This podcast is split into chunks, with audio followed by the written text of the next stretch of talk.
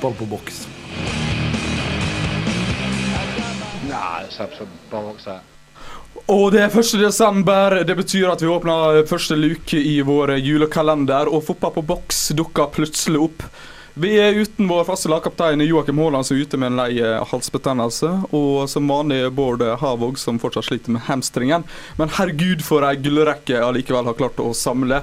Blant annet eh, Telemarks store sønn, eh, sittende midtbanespiller eh, Henrik Langland eh, Jensen. Hei sann, hei sann. Ja, det- B-rekka funker, det nå. Og du har som vanlig tatt en titt på eh, den evige heksegryte Tyrkia. Ja. Det, hva skal jeg si, det er et jævla søl. Og så har vi den irske vinden. Vingen, kanskje.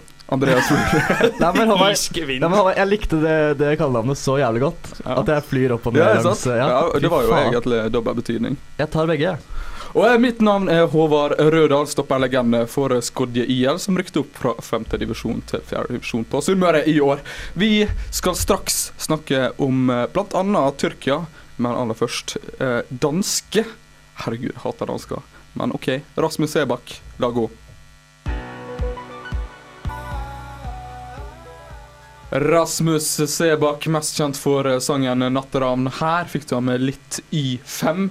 Nesten like bra som eh, Danmarks eh, VM-sang for, foran 1986. Ingenting er like bra som En for alle, alle for. Og noe som er avslutta Ja, ja, det, det er en flott sang. Og noe som er avslutta nå nylig, er Takk Gud, når vi ser at Rennan viser 1.12. Norsk fotball. Var det på tide nå. Å spille norsk fotball langt ute i november er vel egentlig ingen god idé. Og laget ditt, Henrik, gikk jo fra å ha eh, omtrent ti strake seire eller noe i den duren til å Tape for det dårligste laget i ligaen, ja. og Ja. rote vekk bronsa på det. Det, det er eksepsjonelt skuffende å sitte her og si det nå, men, eh, men nå har jeg hatt noen dager til å, på å si, komme meg igjen, og jeg må si at jeg er ganske fornøyd. Vi gikk tross alt fra å ligge der Lillestrøm ligger nå, til å komme på en uh, brukbar femteplass. Du, Hvilket lag var det igjen? Var det Porsche? Var det ikke det? Ja, Porsche Grenland, ja. Ja, du eh, skal jo ikke snakke for høyt. eh, Du er jo Asker-gutt, som røy, røyk i førstedivisjon i siste serierunde. De falt som mine tårer gjorde. Det var, det var ikke lett. Jeg hadde sett for meg at det, det her var en rakettferd oppover. Jeg, jeg hadde tenkt å kjøpe Asker-skjerf og, og gledet meg til Derby mot uh, Godset og Stabæk og Men eh, barfest. Derby eh, Asker-Stabæk blir jo det i eh, 2013. Garantert. Det gjør det faktisk. ja. Du, uansett om noen går opp eller noen går ned. ja. Eller møtes vi av Dekko, kanskje, midtveien. Nei, var- ja. Det var først og fremst det jeg tenkte Ja, på. det det eh. Uansett, er er det noe høydepunkt fra årets uh, tippeligasesong først og fremst? Jeg er jo veldig imponert over uh, Mustafa Abdelaue, som, eh, som, eh, som kneip toppskårertittelen i siste runde. Og Tromsø fikk jo en velfortjent annenplass. Og det er vel kanskje noe av det dummeste Martin Andresen har gjort i Vålerenga. Og han har gjort Ja, ja. ganske mye rart. Og han sier at han bare angrer ikke på det og sånn. Han, han, Ja, han, han han nekter at det, er en, at, eh, at det var feil. Men, men ja, det er jo selvfølgelig litt vanskelig å forutse da når du henter inn Josef Kone som er skada hele sesongen. Han der, var det han Bojac eller noe sånt som de kasta halvveis i sesongen og litt sånne ting. Så det, det er jo selvfølgelig vanskelig å forutse, men, eh, men å ikke å sende på lån, da, det virker jo veldig merkelig. Det var vel det første Martin Andresen sa når han kom til Vålerenga han så Moa. At uh, hvor skal vi låne han ut? Ja, ikke sant? Og jeg skjønner ikke dette her med norske klubber som ikke klarer å få inn en klausul i disse her lånekontraktene om at de kan hente det tilbake på ethvert tidspunkt. Ja. Og at ikke Tromsø henta en, en oppkjøpsklausul. Det er også eh, bittert for deg. Det er mange som eh, sitter og er bitre i disse dager i forhold til det. Jeg ser jo det, Lillestrøm har jo hatt en elendig sesong, og de har jo allerede begynt å ruste opp eh, før neste sesong. Det har de. De har jo henta inn en ny trener fra Sverige og litt sånne ting. Og henta inn Erik Midtgarden fra Flora Flora Tallinn. Og det, da, da, da springer de rett opp på, på tabellen. Da altså. lukter Ja, det da. medalje fort, altså. Ja, lukter Han, har, han er jo fersk seriemester, tross alt, i. Estland, eh, Erik. Han er det.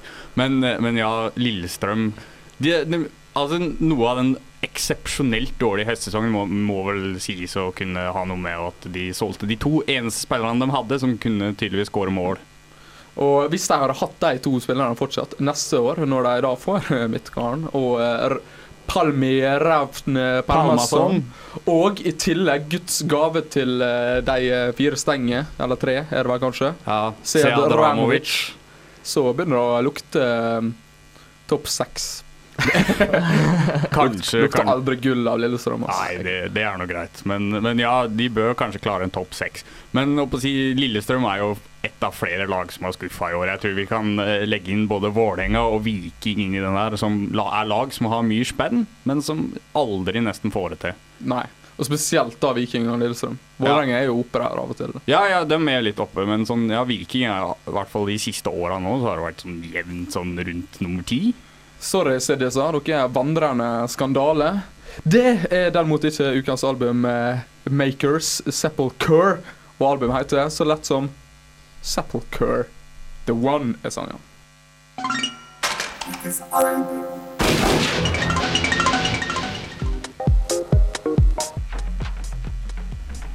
Sepulchre med albumet Sepulcher. The One var sangen. Altså ukens album på Studentradioen i Bergen. Hør på Fotball på boks, og igjen skal vi ta turen til eh, Tyrkia.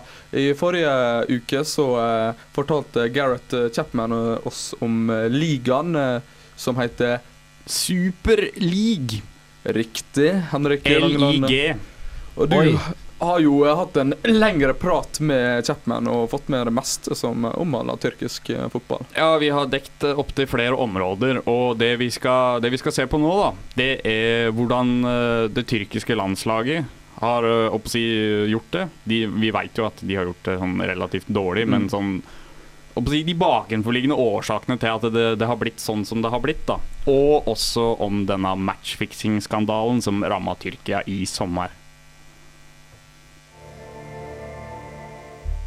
Vi husker alle hvordan Tyrkia presterte i VM i 2002 og i EM i 2008.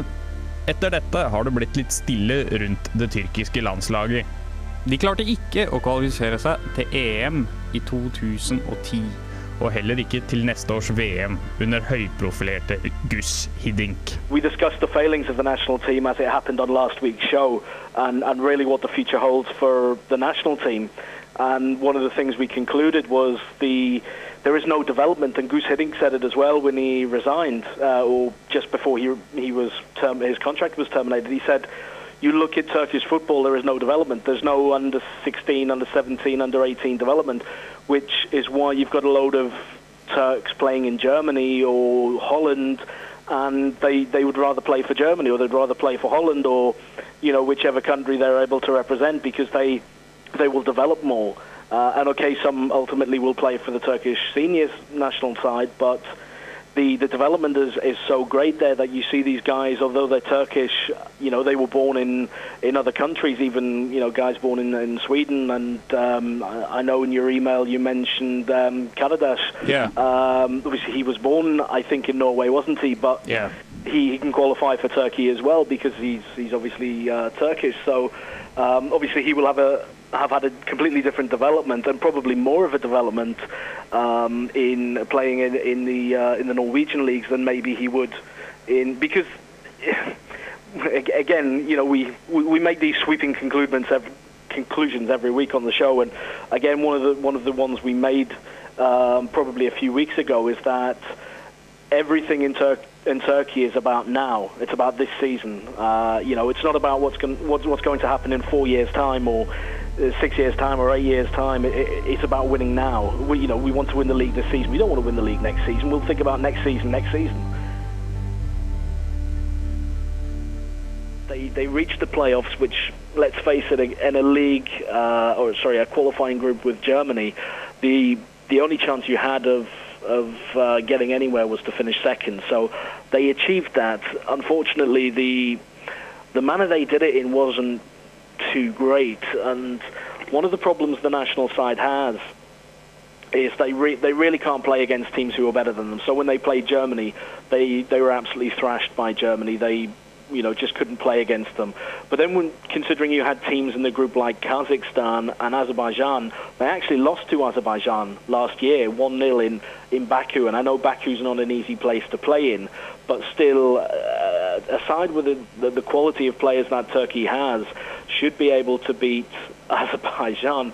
And then when when you come back t- towards the end of the qualifying group and you have a must-win home game against Kazakhstan, you need a 97th minute deflected goal to get a 2-1 win uh, against them to keep your hopes of finishing second. And it, it was quite close for a while between Turkey and Belgium as to, to who would go through.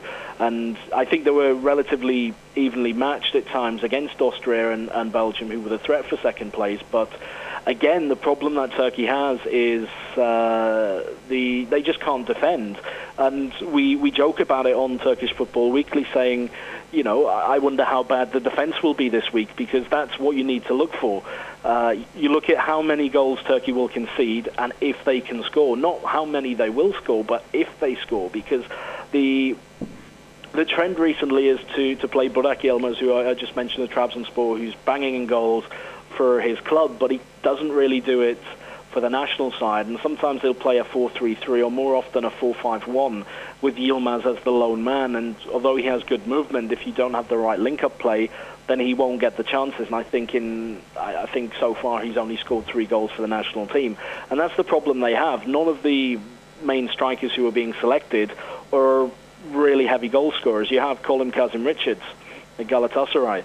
Uh, he isn't a prolific goal scorer either. He scored one or two goals, but that's about it. And then you've got guys like Halil Alton uh, top, who who's there. And then you look you look at uh, younger players coming through, and there aren't any. And again, it goes back to the problem of development of players in Turkey and the, the fact that there really is no grassroots and no encouragement Så må vi komme til bunns i detaljene rundt matchfixing-skandalen.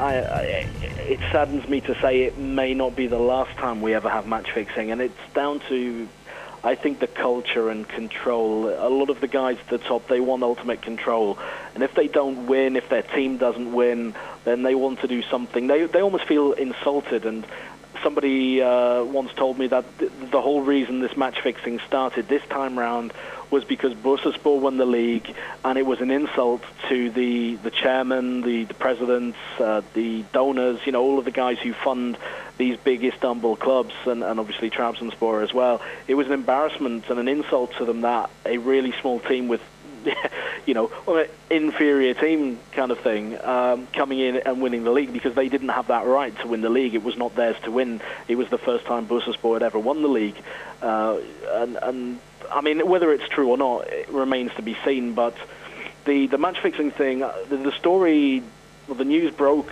I think off the top of my head, it was July the third. It was certainly the beginning of July.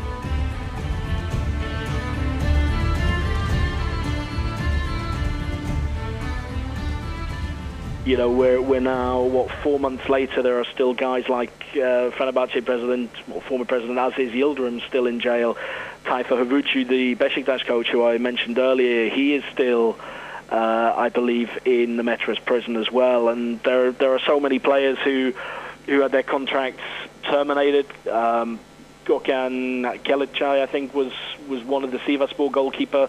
Um, and I mean, there, there is a list. I think there's probably over at least 30 people still in jail pending trial. Uh, and one of the things we know with the Turkish legal system is that court cases don't happen quickly.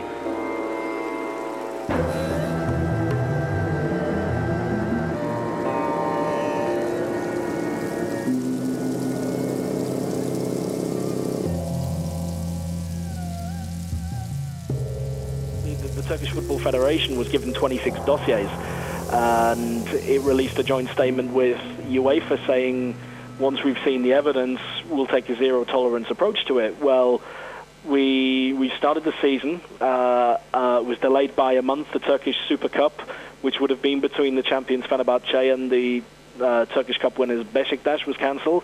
That was never rearranged, so we, we'd missed out on that.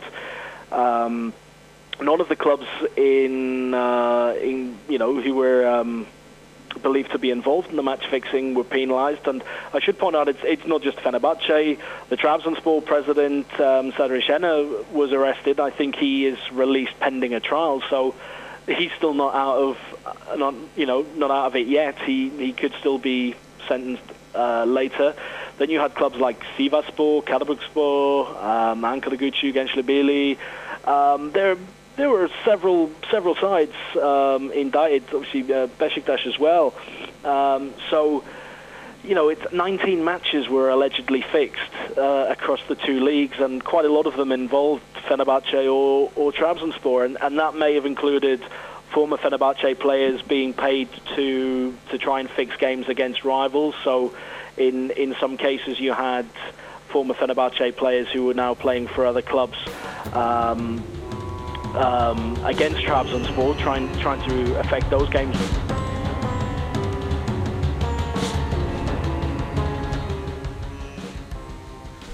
Henrik Langeland Jensen i prat med Gareth Chapman om tyrkisk fotball, og Tyrkia eh, kom som kjent og nevnt, ikke minst i, eh, her i eh, Fotballboks, ikke til EM neste år.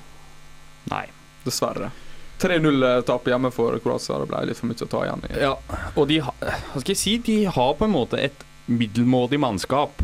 Men som Chapman sier, så, så er det ikke noe grasrotbevegelse. Det er ingenting. Du ser sånne spillere som Mesut Özil og sånne ting. De heller spiller for, eh, for Tyskland Mm. enn for Tyrkia. Tyskland er jo snart uh, bare Tyrkia. da. Ja, ikke sant? Og, og du ser jo og du, Det er jo hovedproblemet her, da. At det ikke er noe, noe Hva skal jeg si Noe utvikling, fokus på utvikling. Det er kortsiktig tenkning og fokus på å få inn halvdårlige, avdanka superstjerner nå med en gang. Tyrkia må tenke på grasrota, med andre ord. For å kunne komme til eh, EM i 2016 Uansett, trekninga til neste års EM foregår i morgen, gutta. Klokka 19.00 så skal det trekkes. Det blir spennende. Det eneste som er sikkert på forhånd, er at eh, Polen uansett skal spille i eh, gruppe A, og Ukraina skal spille i eh, gruppe D. Ja, og de to andre toppsida er da Holland og, Tyskland og Og Spania. Spania. og Spania. Ja. Som da skal utgjøre enten gruppe B eller C. Holland over Tyskland. Holland over Tyskland. Fordi Holland kom lenger i VM enn hva, hva Tyskland gjorde. Ja ja, jo da. Greit.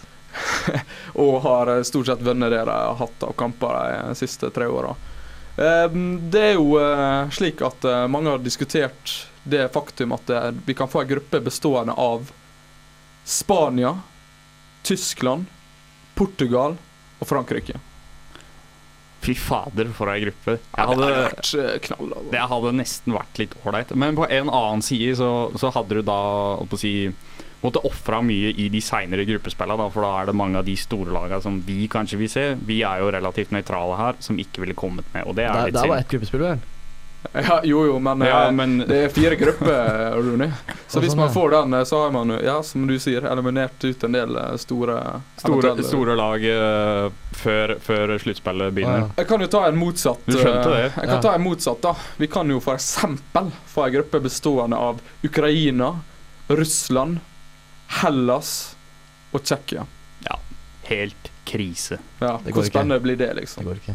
Og ditt kjære Irland er jo også representert. Det er siste sida, vel? Det er de, sammen med Danmark og Frankrike, Mm. i tillegg til Tsjekkia. Så da slipper vi å få Danmark, da. Det, det er bra. Det er det du tenker på først Det og er jeg fremst. takknemlig for, ass. Slippe Danmark. Ja. Nei, Jeg men, ville det, tenkt vi slipper Frankrike, i hvert fall. nei, men de snakker jo om at uh, det hadde vært gøy å få England. Det er det, er det irene snakker mest Mm. om. At, eh, for vi har jo eh, England har et lite spøkelse på seg. Ja, At de, de, de sliter alltid med England, altså. Det hadde vært kjempemessig. Ja. Og Trappatoni tar noen nye år nå. Ja, Veldig bra for, eh, for landslaget. 72 år gammel Ja. ungkar. Fortsetter han. Det er jo gøy. Det er jo pensjonisttilværelse i Dublin, da. Og så har det kanskje vært- Ja, så har det kanskje vært gøy med Sverige-Danmark. Jo, det har vært gøy, ja. Sånn som uh, i noen tidligere oppgjør har vært. Bare spør italienerne om uh, det, om det er god stemning. Når de to lagene møtes. Så vi kan jo faktisk få Italia også i den eh, gruppa. Det er ikke helt umulig. Uansett, det blir spennende med trekning. Eh, Jeg anbefaler alle å eh, sjekke ut det klokka sju. 19.00 i morgen kveld. Jeg regner med Eurosport i hvert fall sender trekninga. Første kamp neste år går altså 8. juni 2012, og der skal i hvert fall Polen være. Og det er ikke dansk. Det er i Warszawa. Er det det? Det er det. Oh, ja. Ikke Gdansk. My bad. my National bad. Stadium i uh, Warszawa. Men hvem skal trekke ballene? Har de, trukket, har de funnet Er det Pelé eller Platini eller Er det så jævla spennende nå, da? Det var det jo, spennende? nei, jeg brukte jo opp alle gode navnene på VM-trekninga. Hva med Neymar? Som Pelé mener er bedre enn Messi? Ja, men eh, Pelé har jo aldri likt argentinere, så Det er, det er ja da. Kjør for du, den. du får ikke eh, Maradona sender ikke eh, han blomster som han kan sette i, eh, i vinduet, eller kaste opp i lufta.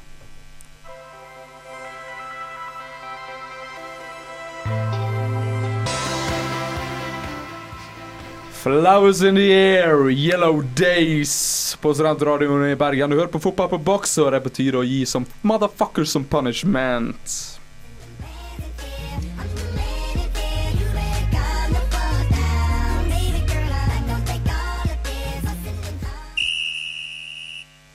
Riktig det. Vi skal eh, innom disiplinærkomiteen også denne uka.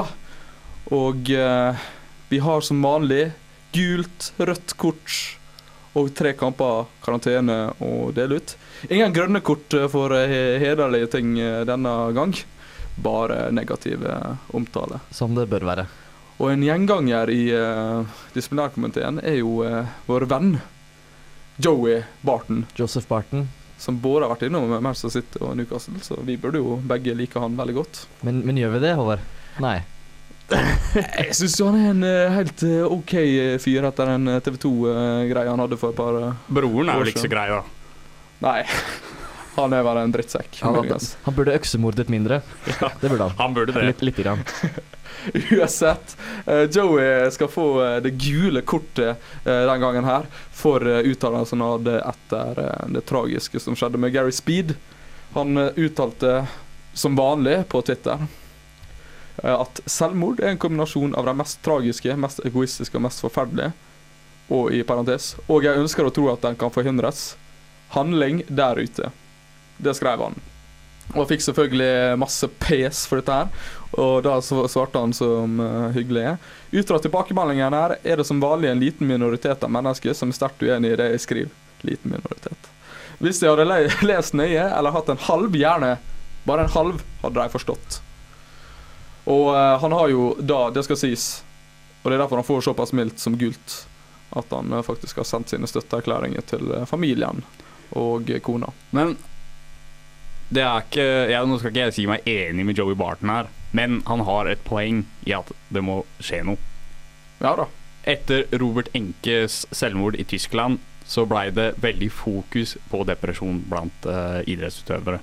Og det tror jeg det er viktig å få i England, og det tror jeg kanskje er et stort problem. Ved at det er en machosport, og at du skal være tøff og stein og ikke, ikke kødde rundt i det hele tatt.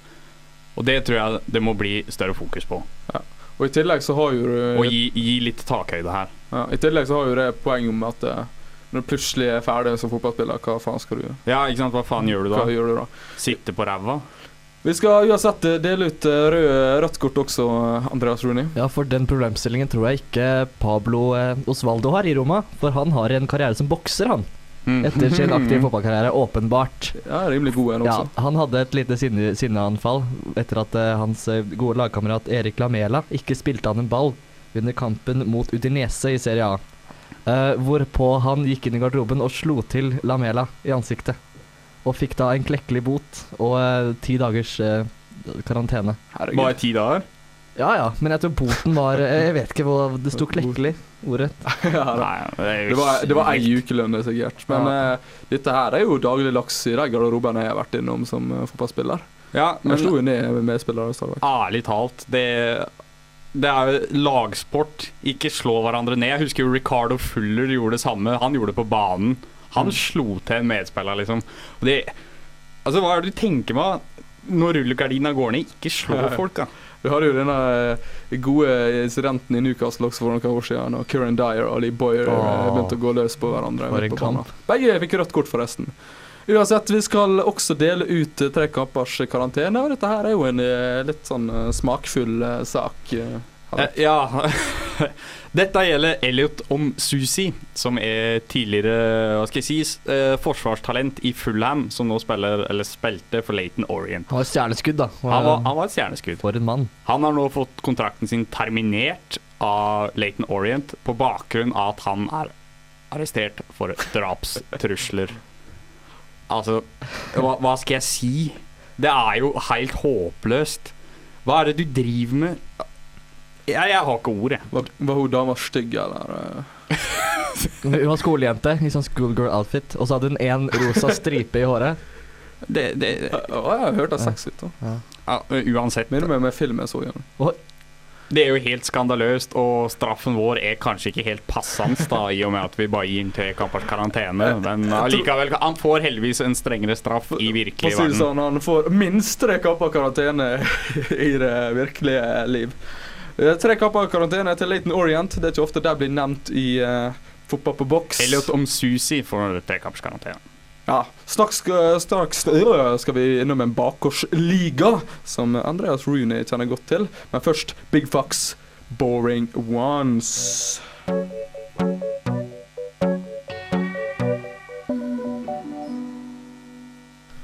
Takk til Big Fox, Boring Ones, og det håper jeg virkelig ikke dere syns at vi er. Og vi har kommet til Bakgårdsligaen. eh, Som En ny spalte! ja, som denne gangen tar veien til eh, øy du kjenner jævlig godt, eh, Andreas Rooney. Ja, det er den grønne ø, er det ikke det? Den grønne ø. Den Irland. nøgne. Den nøgne ø fra Irland. Det er Irland. Mm. Ja, det er vakkert. Det er vakkert. Og de har eh, ikke så veldig mye De er ikke så veldig kjent for fotballigaen sin. Nei, ikke for å sitte og, og, og krangle for, Ir- på Irlands vegne, men, Men- de har jo andre sporter. De hadde en voldsom prestasjon her for litt grann siden, når eh, Shamrock Rovers slo Partisan Beograd Det er og sant. kvalifiserte seg til gruppespillet i Europaligaen for første gang noensinne for et irsk lag. Mm. Det er ganske imponerende. Og kan være med å bidra til at Tottenham ikke går videre i Europaligaen. Faktisk, de tapte jo mot Pauk i går. Jeg har troa på uh, fullsatt eh, stadion uh, som heier Shamrock Rovers fram til seier 15.12. altså. Ja, det hadde vært stas. Må nesten bli det. Ja, uansett, de er det eneste gode laget i Irland. Av de veldig få gode lagene som er der.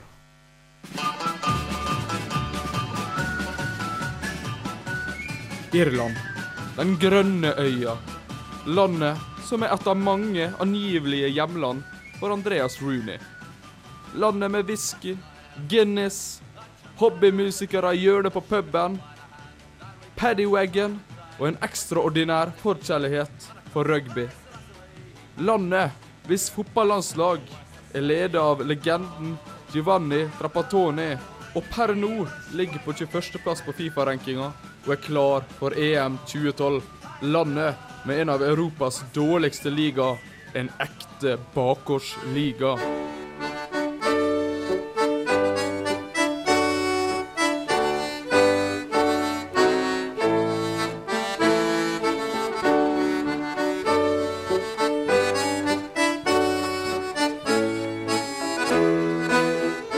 Landslaget er fullt av stjerner. La oss nevne noen. Shay Given, Richard Dunn, Robbie Keane, Aiden McGeady og John O'Shay. En skulle tro at det vokste toppspillere på trær i Irland, men fakta er at alle med et snev av potensial er i England før fylte 15 år. Derfor blir ligaen aldri av toppklasse. Derfor kan Imun Sayed, OFK-flopp og Bosma-spiller i januar bli toppskårer og årets spiller i 2011. counted out his money and it made a pretty penny. I put it in me pocket and I took it home to Jenny. She sighed and she swore that she never would deceive me. But the devil take the women for they never Under et tokt til Irland i 2009 havna jeg i Cork, byen som hevda å være Irlands egentlige hovedstad. Her makta jeg og mitt følge å møte opp på fotballkamp. Dessverre for Cork City spilte Man United semifinale i Champions League samme kveld. Til tross for gratis inngang, gode pølser og gode sitteplasser, var ikke flere enn 1000 til stede den aprilkvelden. Kampen var heller ingen høydere, og kampens eneste mål mot Drogheda ble skåra av en spiss fra Litauen. 1-0 Cork. Større var opplevelsen med en teamkonsert med Jason Castro fra American Idol på en pub med ti andre til stede.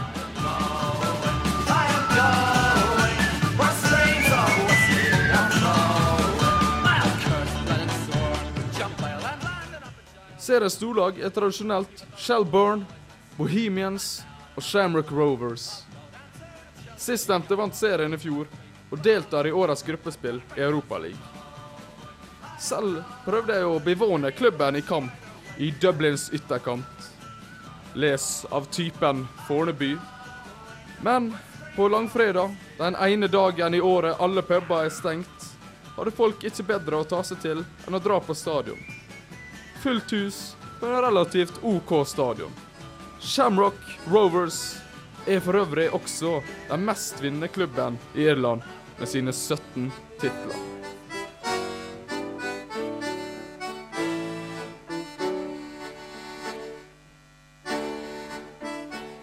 I år vant gode gamle Cork City, uten spillere fra Litauen, førstedivisjon og rykka opp igjen til League of Ireland. Og rugby? Jo da.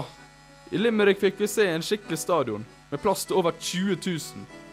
Fullsatt var den også. Anledning? Slag om Irland mellom Mønster og Leinster. Flagg over hele byen og Mønster i hvert butikkvindu. Jo da. Rugby er fortsatt storebror i republikken.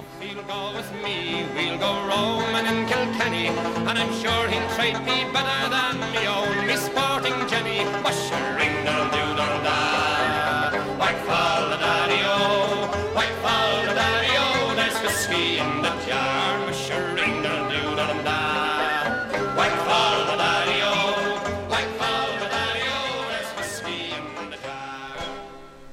begynner nesten å bli trend at Håvard Rødahl besøker de mest lugubre landene i Europa. Og eh, det er jeg sikker på at Karen Park også har gjort, i hvert fall da hun skrev låta 'Tiger Dreams'.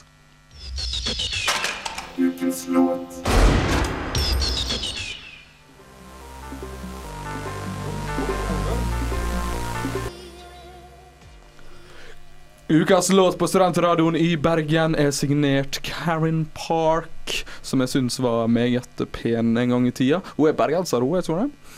Tror det. Tiger Dreams var uansett låta. Og vi har nådd nok ei fast spalte i Fotball på boks. Hall of Fame. Og denne uka så er det vår medarbeider Bård Havåg som har eh, lansert en kandidat til vår ærverdige eh, Hall. Litt av en legende han har eh, satt seg for denne gangen her. Ja da, vi skal til Sør-Amerika, folkens. Can he silence the Camp Nou? Oh, yes, he can! Det er egentlig ganske enkelt å lage oppstuss i studio i Fotball på boks. Programsjefen er nemlig såpass enkel å tere at jeg fint klarer det uten å prøve en gang. Da jeg sendte min store helt Zinedine Zidane fullt fortjent inn i Hall of Fame i mars, responderte unge Joakim Haaland med Bård, Henrik og Håvard er død for meg. Zidane stygt banneord. Jeg lærte der og da nøyaktig hvor alvorlig Barcelona-fanen Joakim Haaland tok hatet sitt mot Real Madrid. Shrugged Morta, who pulled a muscle in trying to chase him, couldn't keep up with the big man. And that was rolling back the years. That certainly was quality finish. Motta's not got the pace to stay with him. Puyol's coming across on the cover, but it's a fabulous chipped goal as Victor Valdez goes to ground, playing off the shoulder of Motta. He knows he's quicker than him. Så derfor tenkte jeg at det var på tide med en ny reallegende. En spiller som er så god at han ikke kan avslås, er nok det smarteste, siden Joakim er i studio denne gangen. Jeg må jo sørge for at sjefen blir overruled. Men tror for all del ikke at jeg ikke mener denne karen fortjener plassen sin, for det gjør han så visst. Hatet fra sjefen er bare en ekstra bonus, ikke hovedgrunnen. Zidane to Guti. Quickly onto Ronaldo, has stolen a march on Ferdinand. Ronaldo shot! Heartbreaker. Ronaldo with a blow to the heart of Manchester United's. Jeg snakker selvsagt om Ronaldo. Den gamle Ronaldo. At han omtrent egenhendig slo ut Manchester United av Champions League i 2003, er jo grunn nok alene til å bli æra resten av livet i min bok. Men når han i tillegg kan ta over for Flode i barne-TV any day, bør jo all diskusjon om mannen fortjener Hall of Fame-plass egentlig være helt unødvendig. Mannen er altså både den ekte Ronaldo og den ekte Flonaldo. I tillegg er han den originale Ronaldinho, så det er ikke måte på titler fyren har. Så klart fortjener han plassen. Ruud van Nistelrooy's away goal has been cancelled out by the pace and the brilliance and the big match man Ronaldo. Well, he gets that position again. We're talking about. Han er sammen med Zidane den eneste mannen som er blitt kåret til verdens beste spiller tre ganger. Han har òg vunnet gullballen twice. Han vant VM med Brasil i 2002. Han er en av 20 spillere som har skåra i tre forskjellige VM, både 98, 02 og 06. Og er en av tre som har skåra minst tre i alle tre. Han har skåra totalt 15 VM-mål, og leder med det den statistikken. Med landslaget har han 97 kamper og 62 mål totalt.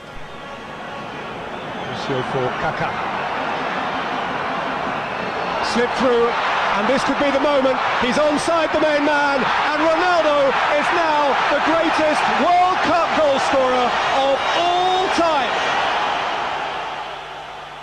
Så over til klubbtitler.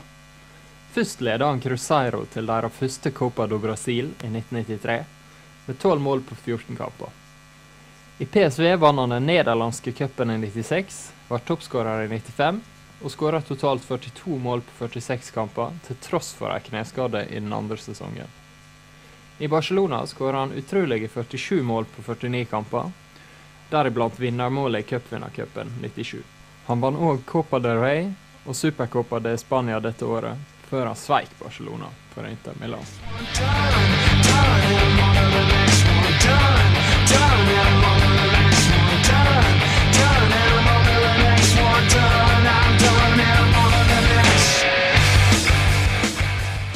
I Inter vant han Uefa-cupen. Il Fenomeno skåra 59 mål på 99 kamper for Inter, men tida var også her prega av skade. Så ble det tid for Real Madrid. La Liga ble vunnet i 2003, den spanske supercupen samme året og Intercontinental Cup året før. Da han forlot Real i 2006, skulle resten av karrieren i AC Milan og Corinthians bli en skuffelse. Men Ronaldo hadde allerede bevist at han er en av tidenes største.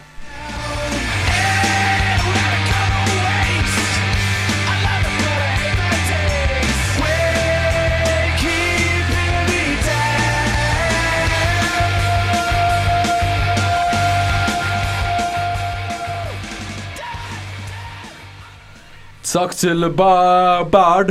Bard. Bard Havog, som eh, lanserer altså den originale Ronaldo til Hall of Fame. Og dette her bør vel være grei skuring, gutta. Jeg går til deg, Henrik Langeland Jensen. Mestskårende i VM gjennom tidene. En utrolig god spiss. Hadde riktignok et fryktelig dårlig opphold i AC Milan. Mye pga. skader, men eh, ja. Ja. Ja fra Henrik Langeland Jensen. Andreas Roning. Eh, litt fordi Bård Havåg var så overlegens selvsikker på at han skulle skytes inn i innslaget sitt, og, litt, eh, og stort sett fordi at jeg har en eh, litt dårlig hårdag, så sier jeg nei. OK. Eh, på grunn av at han gikk på en smell med å spille litt for mye PlayStation natta til VM-finalen 1998. Det har vi jo alle gjort. I bakgrunnen i det så sier jeg faktisk ja til eh, originale Ronaldo.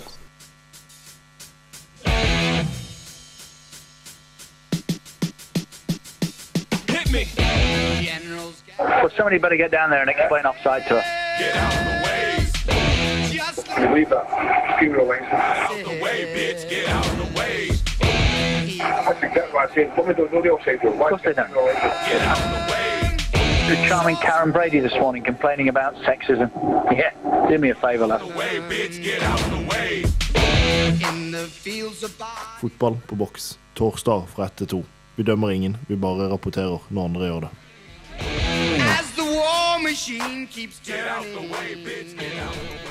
Denne her enorme starten på desember måned er over med fotball på boks. Dessverre. Første luka er åpna, og herregud for en presang dere fikk. Andreas Roni. Når du nevner kalenderet, så fikk jeg veldig et, et, et sånn innfall. Litt sånn eh, kanskje vi skal eh, gi lytterne en treat og lage en liten julekalender med oss. OK, hva type kalender snakker vi om? Nei, sånn hvor vi kler oss nakne, vel? OK, ja, ok. ja, nei, du kan, du kan ta alle lykkene du. Ja, ja, ja, spørs jo helt hva lyttere som eventuelt blir med. Jeg tviler på det er så mange kvinnelige nei, andre versjoner. Å ja, unnskyld. Takk til deg, Henrik Langnøyas, for at du har vært med i dag. Takk for det. Det var hyggelig at du stilte i, i sittende midtbane. Og til deg, Andreas Rooney, som allerede har kommet med ekle bemerkninger om at du har lyst til å stå naken i en julekalender. Ja. 24. Du kan jo stille deg opp på, oppe på Torgallmenningen. Den irske vinden.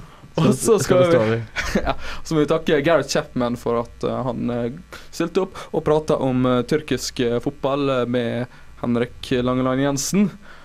Vi takker selvfølgelig også Bård Havåg, og gratulerer han med at han fikk inn sin helt Ronaldo i Hall of Fame.